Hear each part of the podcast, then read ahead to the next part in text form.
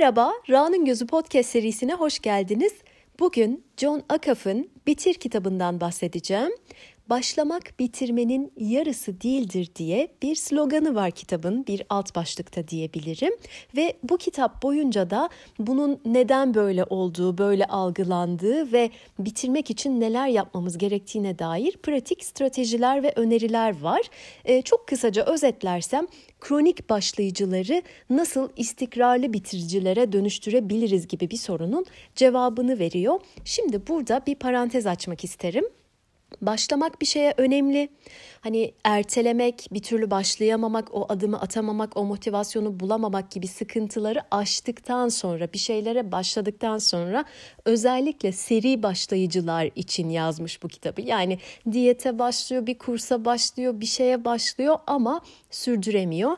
Eğer ki sıkıntınız bir şeye başlayamamaksa size procrastination bölümüne ışınlayabilirim. Numarasını hatırlamıyorum. Erteleme hastalığıyla ilgili yaptığım bir bölüm vardı.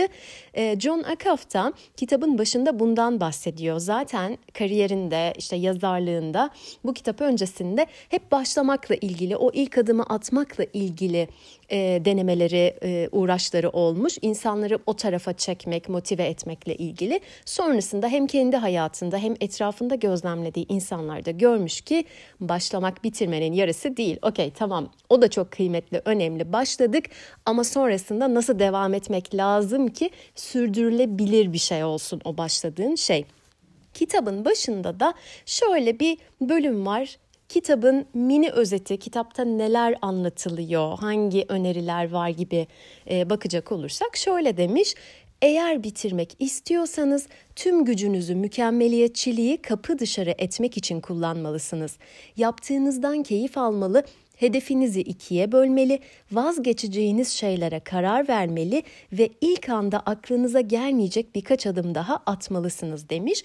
Yani Üzerinde çalışırsak umut var. Böyle bir şeyi yarım bıraktık diye, devam edemiyoruz diye. Bu bir şey aslında başka şeylerle de birleştiğinde yani birkaç e, seferden fazla olduğu zaman bazen insanın her şeyi bırakma ve kendine dair işte ben yapamıyorum, ben bir şey başlıyorum, devam edemiyorum gibi kodlamaları oluyor. İşte kitabın içinde de tam olarak bunlara dair hikayeler de var. Nasıl altından kalkarım, nasıl ben bir bitiriciye dönüşürüm sorusunun cevapları da var. Kitapta en çok önem verdiği şey mükemmellik takıntısı. Zaten her şeyin oradan çıktığını söylüyor. Yani mükemmel yapamadığını fark ettiğin anda hayalindeki o en üst düzeydeki noktaya gelemediğini fark ettiğin anda her şeyi bırakmaktan bahsediyor. Yani burada aslında bizim hedefimiz birazcık da o bizim kafamızdaki mükemmel takıntısını çözmek. Ve buna dair de en can alıcı noktanın mükemmelden sonraki gün olduğunu söylüyor. Onu aşabilirsek aslında bir şeylere devam etme ihtimalimiz de artıyor. Mükemmelden sonraki gün nedir? Her şey iyi giderken bir şeyin bozulduğu an. O gün. İşte e, diyelim ki spora başladık. Gayet de iyi başladık. Haftada 5 kere 6 kere neyse hedefimiz gidiyoruz. Tıkır tıkır gidiyor. Kendimize de güveniyoruz. Motivasyonumuz artıyor. Mutluyuz. Bir gün tam böyle gitme planımız varken bir iş çıkıyor, bir şey oluyor. O gün spor yapamıyoruz ve her şey bozuldu zannederek birazcık da zihnimizde bununla ilgili iç konuşmaları döndürüyoruz ve bırakıyoruz. Yani o gün gitmemekle kalmayıp sporu komple bırakmaya meyilli oluyoruz. Bunu farklı farklı konulara uyarlayabiliriz. Burada önemli olan şey aslında zihnimizde bizim için mükemmel olmaktan çıkması mükemmel olmaktan çıkınca da Aa, tamam bozuldu bitti sonrası da battı balık yan gider gibi bir şey gidiyor. Benzer örneği diyet konusunda verebilirim. Her şey tıkır tıkır işte diyetisyenin verdiği bir listeye ya da kafanda koyduğun kurallara göre gidiyorsun. Sadece bir gün kahvenin yanında bir dilim pasta yedin diye tamam diyet bozuldu bitti artık diyerek pıtı pıtı pıtı gidiyorsun. Şimdi mükemmeliyetçiliğin hedeflerimizle ilgili bize fısıldadığı bir yalan var. Kitapta bunun üstünde çok duruyor. Eğer mükemmel değilse hemen bırak. Yani zaten olmadı, yapamadın, beceremedin. Bu arada bu kitaptaki stratejilerin bence çok destekleyeceği, birbirini besleyeceği kardeş kitap İyi Hissetmek David Burns'ün. Çünkü orada da çok fazla zihinsel çarpıtmalar, yanlış düşünceler, hatalı düşünme sistemleri üzerine duruyor ve bize güzel stratejiler veriyor. Onunla birlikte birleştirerek arka arkaya okunursa güzel olur. İyi hissetmekle ilgili de iki tane bölüm yapmıştım. İsteyenler dönüp oradan dinleyebilir. Kitapta şunun da üstüne çok duruyor biz başlamaya çok fazla önem atfediyoruz. Yani bir şey başlamak tamam başladık artık falan diyerek sonrasında kendimizi bırakabiliyoruz. Başlamak elbette kıymetli ama süreçte başlamak kadar önemli birazcık da şeyin etkisi var bu 90'ların Amerikan enjeksiyonu işte gazlamaları böyle ilham verici sözler şelalesi şeklinde. Sen yeter ki başla yeter ki iste falan gerisi gelir diye bir şey. Gerisi gelir diye bir şey yok. Gerisini biz getiriyoruz. Bunu farkına varınca zaten insan bir şeyler yapıyor bence. Peki şimdi bu kadar analiz ettik başladık. Bunların çözümleri ne olabilir? Ne yaparsam nasıl bakarsam başladığım şeyi bitirmem daha mümkün olur. Birincisi kusurluluğa tolerans göstermek. Yani kusurları da dışlamamak bir tane kusur işledim diye bir şeyi hatalı yaptım ya da planladığım gibi yapmadım diye her şeyi bozmuş sayılmıyorum. Eğer böyle kodlamalarım varsa kendime bu konuda güzel bir konuşma yapabilirim. Kusurlu bir şekilde yola devam edebilmek de çok önemli bir şey. Ee, burada şunu anlıyorum böyle çok mükemmel olsun takıntısı insanın böyle üstünde bulut gibiyken bunu çok böyle güzel geçemiyor, rahat geçemiyor. Belki şunu kabullenmek de yardımcı olabilir. Bundan sonra yola kusurlu devam etmek ya da kusurlu da devam edebilirim. O yolda gitmem daha önemli dediğim zaman o yola her zaman çok rahat devam edemiyorum. Kendimi çok rahatsız hissedebilirim. O kusura takılabilirim ama bu da okey. Bunda bir şey yok ve bu süreç bunu gerektiriyorsa belki bu halime de tolerans gösterebilirim. Mükemmelden sonraki günü yani her şeyin bozulduğunu zannettiğim günü iyi yönetmekte önemli. Kendine belki de e, bir şeylere, bir kavramlara isimler koymak bu bakımdan yardımcı oluyor.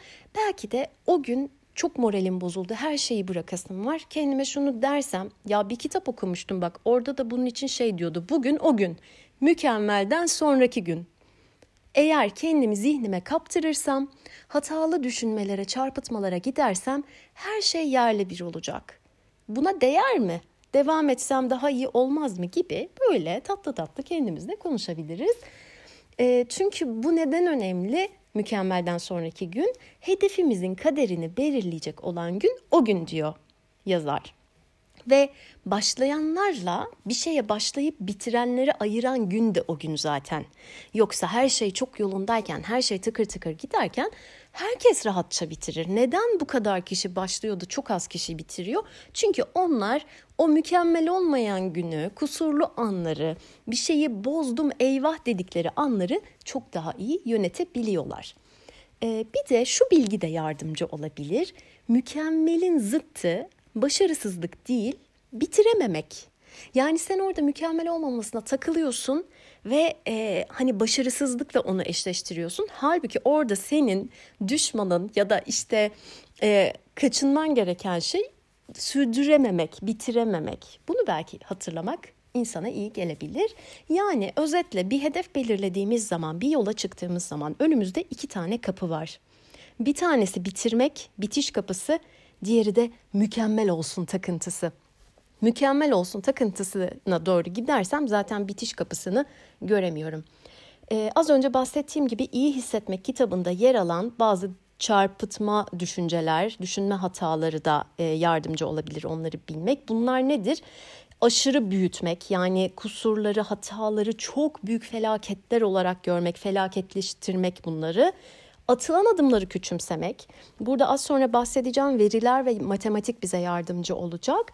Çünkü bir tane kusur ya da hatayı çok büyüttüğümüz zaman o kadar yer kaplıyor ki o hata yapabildiğimiz güzel şeyleri, bugüne kadar attığımız adımları görmezden gelmeye de meyilli oluyoruz. Onları da aşırı küçültüyoruz. Bir de ya hep ya hiççilik oluyor ortaya çıkıyor bu battı balık yan gider gibi. Tamam artık bozuldu devam edemem bir de burada çok kişisel bir nokta var. Nedir? Şimdi genel şeylerden bahsettim. Bunlar yarıda bırakanların ortak özellikleri ama bizim kendi mükemmeliyetçilik döngümüz vardır bir de. Kendi içimizde kurduğumuz cümleler, kendimize dair e, bazı yargılarımız. Bunları da görmek önemli. Yani ben bir şey böyle ortasında battı balık yan gider dediğim noktada tam olarak ne yapıyorum, ne düşünüyorum, ne hissediyorum, tam ben nerede pes ediyorum, ne olunca ya da olmayınca ve e, kendi kişisel tarihimde bunun örnekleri nedir? Ben mesela neleri böyle bıraktım? Onların ortak noktaları ne? Zamanlamada, etrafta, çevrede neler vardı, neler yoktu gibi böyle kendi döngülerinin de farkına varmak yardımcı olabilir. Bir de hedef zaman ilişkisine dikkat etmemiz gerekiyor. Burada planlama yanılgısı diye bir şey var. Daniel Kahneman'ın ortaya çıkardığı bir kavram bu. Bu ne demek? Tanımına bakarsak tamamlanacak bir işin alacağı süreyi iyimserlikle birlikte gereğinden kısa görmek. Bir öğrenci çalışması var. Üniversite öğrencileriyle yapılan bir çalışma. Ee, şöyle bir soru soruyorlar. Diyorlar ki sence tezini ne kadar sürede bitirirsin? Ve cevapları topluyorlar. Öğrencilerden gelen cevaplara göre cevap ortalama 34 gün. Ama gerçekte tezlerini bitirme süreleri ortalama 56 gün. Yani buna benzer çeşitli araştırmalar da var. Yani biz aslında bazen ya da çoğunlukla bir iş için, bir hedef için daha kısa süreleri hedef olarak belirliyoruz. Sonra da o sürede o hedefe ulaşamadığımız zaman kendimize karşı oldukça e, acımasız davranabiliyoruz. Yanlış boyutlarda planlanan bir hedef planı tamamen yok edebiliyor. Yani aslında her şey yolunda giderken sen bir kusur işlememişken sadece takvimdeki süreye uymadığın için kendini çok kötü hissedip ortada bırakabiliyorsun. Çözüm olarak da e, John Akaf bize şöyle bir şey öneriyor. Hedefi bölün diyor. Onun hatta hedefi ikiye bölme e, stratejisi var. Bu ne demek? 5 kilo vermeyi hedefliyorsan aslında o hedefi bölüp böyle 2-2,5 kilo gibi bir hedef koyacaksın ve onunla ilerleyeceksin. Sonra da hani ona ulaştıktan sonra da hedefin devamını oluşturabilirsin. İşte kitap yazma hedefin varsa Bunları da böyle artık bölerek ilerlemek, işte yarım sayfa yazmak, böyle çok abartmamak. Sen yine yarım sayfadan fazla yazıyorsan yaz yani onu yasaklamıyor ama Kafamızda çok büyük hedefler koyduğumuz zaman burada da çok güzel komik göndermeler yapıyor böyle hani gaza getirici, böyle yap, başla, hedefini büyük koy, küçük düşünme falan gibi gaza getirici şeylerden uzak durarak onların gerçekçi olmadığını söylüyor. Küçük hedefler, minik minik yol almalar her zaman önemlidir. Bize de şu mesajı veriyor. Sen minik minik hedefler koyup onları gerçekleştirdikçe kendini daha başarılı hissediyorsun. Zaten kendine güvenin artıyor ve verilerin artıyor. Bak şunu şunu şunu şunu yaptım. Şimdi sıra şuraya geldi. Dolayısıyla işte atıyorum 12 kilo vermen gerekiyor. Sen onları böyle böyle böyle gittiğin zaman sürecin de farkına varıyorsun. Yani birdenbire a 8 kilo verdim tamamlayamadım 12 olmadı dediğin zaman ama kaç hafta hedeflerini işte uygulayarak sonuca ulaşarak gittiğini görüyorsun gibi örnekleri çoğaltabilirim. Buradaki rakibimiz vazgeçmek.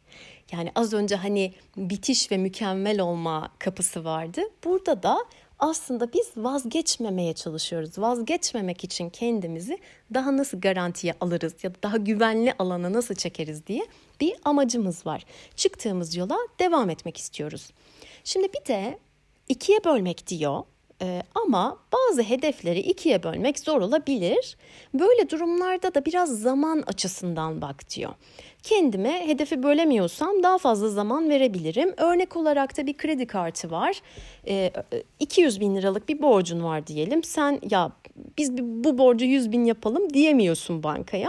Ama daha fazla zaman planı yaparsan işte faiz ödüyorsun ama sonuçta borcun bitiyor. Diğer seçenek de vazgeçmek ben bu borcun altından kalkamam diyerek daha beter bir senaryoya doğru ilerlemek. Bir de zaman demişken geniş anlamda zaman yönetimi önemli.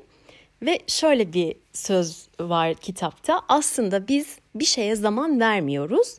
Başka bir şeyden zaman çalıyoruz.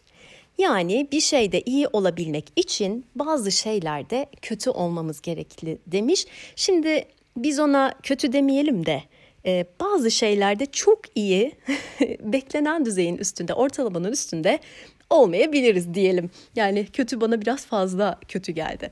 Neyse şimdi mükemmeliyetçiliğin söylediği bir başka yalan var. O da şu. Eğer doğru planlama yaparsan, işte şunu şunu gereklilikleri yerine getirirsen hepsini yapabilirsin. Her şeye yetişebilirsin. İstersen yaparsın gibi bir baskı var. Şimdi her şeyi aynı anda yapabilirim diyerek gaza gelip kendine yüklenirsen hastalanırsın. Çeşitli hastalıklar, fiziksel, ruhsal, işte burnout e, olursun, tükenmişlik sendromuna yakalanırsın, çökersin, depresyona girersin, panik ataklar başlar, mide hastalıkları falan filan. Yani herkesin artık e, kısmetine hangi hastalık düştüyse oraya doğru gider. E, bu ne demek? Mesela bir örnek verelim. Her şeyi aynı anda yapmak ne demek? Aynı anda hem çalışıp çok iyi para kazanıp çok kitap okuyup, Netflix'teki diğer platformlardaki bütün dizileri, filmleri izleyip, her gün spor yapıp, çok seyahat edip, sosyal bir kelebek gibi parti parti gezmek, işte ondan sonra bütün sosyal medya hesaplarının olması, onları da takip etmek, hiçbir şey kaçırmamak falan filan bunların hepsini aynı anda yapmayı hedeflemek ve hepsinde çok üst seviye bir e, noktada olmayı hedeflemek. Bak çoluk çocuk konusuna bile girmedim daha yani. Böyle bir şey yok. E ne yapacağız o zaman? Çıkış noktası ne olabilir? İnsan olduğunu hatırlamak, her şeyi aynı anda yapma şansının olmadığını kabul etmek ve aralarından seçerek ilerlemek. Belli dönemlerde bazı şeyleri kenara bırakmak mesela. Sonsuza dek de vazgeçmek zorunda değiliz. Yani atıyorum çok yoğun bir projede çalışıyorsun. O dönem daha az film izleyebilirsin. Spora 6 gün yerine 4 gün gidebilirsin. İşte ne bileyim işte herkesin durumuna göre ben kendimden düşünüyorum ne örnek olabilir. Şimdi ben kitap okumayı çok seviyorum. Beni çok besliyor ve kitaplarla ilgili bir tutkum var.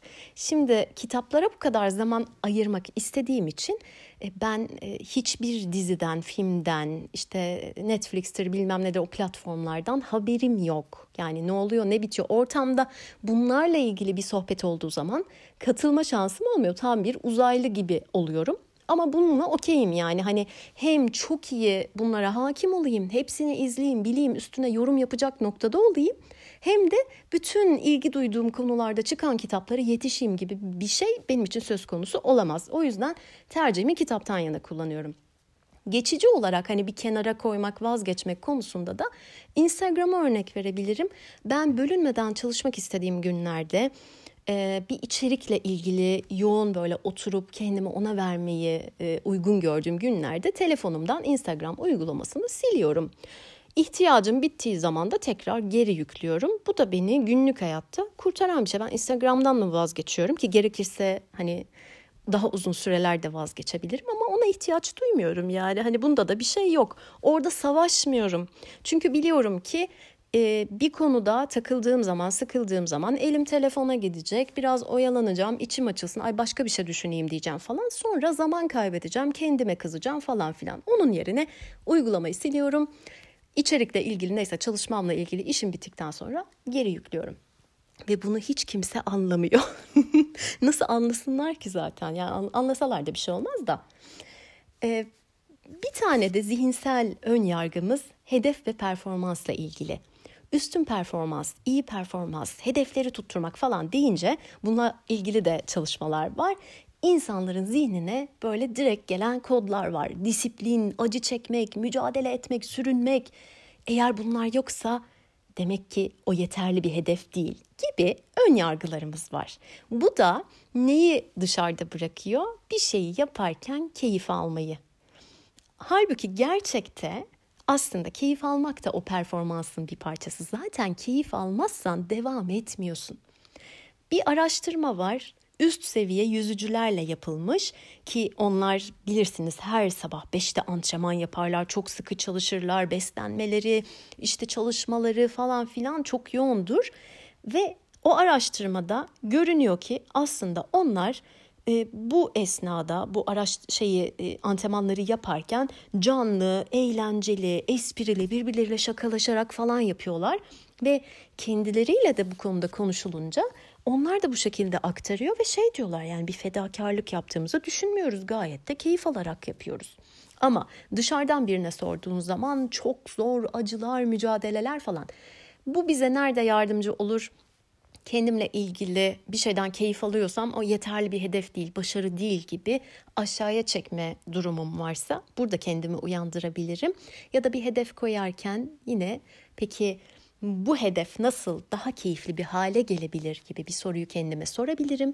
Bu sorunun tek bir cevabı yok farklı konularda farklı kişiler için bambaşka noktalara gidebilir ama kendine bu soruyu sormak ve kişisel cevabını vermek çok önemli. Ne kadar keyif alırsak, severek yaparsak o kadar sürdürme şansımız oluyor. Bir de kişisel saklanma yerimizi bulmak var. Saklanma yeri nedir? İşleri batırmaktan korktuğumuz için girdiğimiz güvenli alan. Mesela X işini her yapman gerektiğinde kendini Netflix'te dizi izlerken buluyorsun. Bu ne demek? Netflix senin saklanma yerin.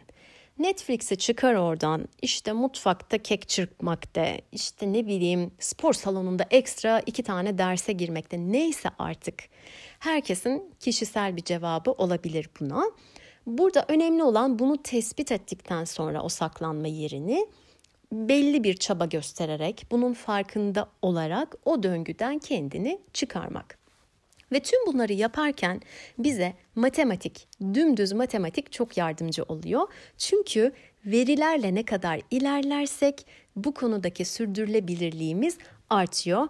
Çünkü mükemmeliyetçilik bizi zihinsel çarpıtmalara götürüyor. Olmadı, yapamadım, bozuldu, mahvettim, devam edemeyeceğim gibi.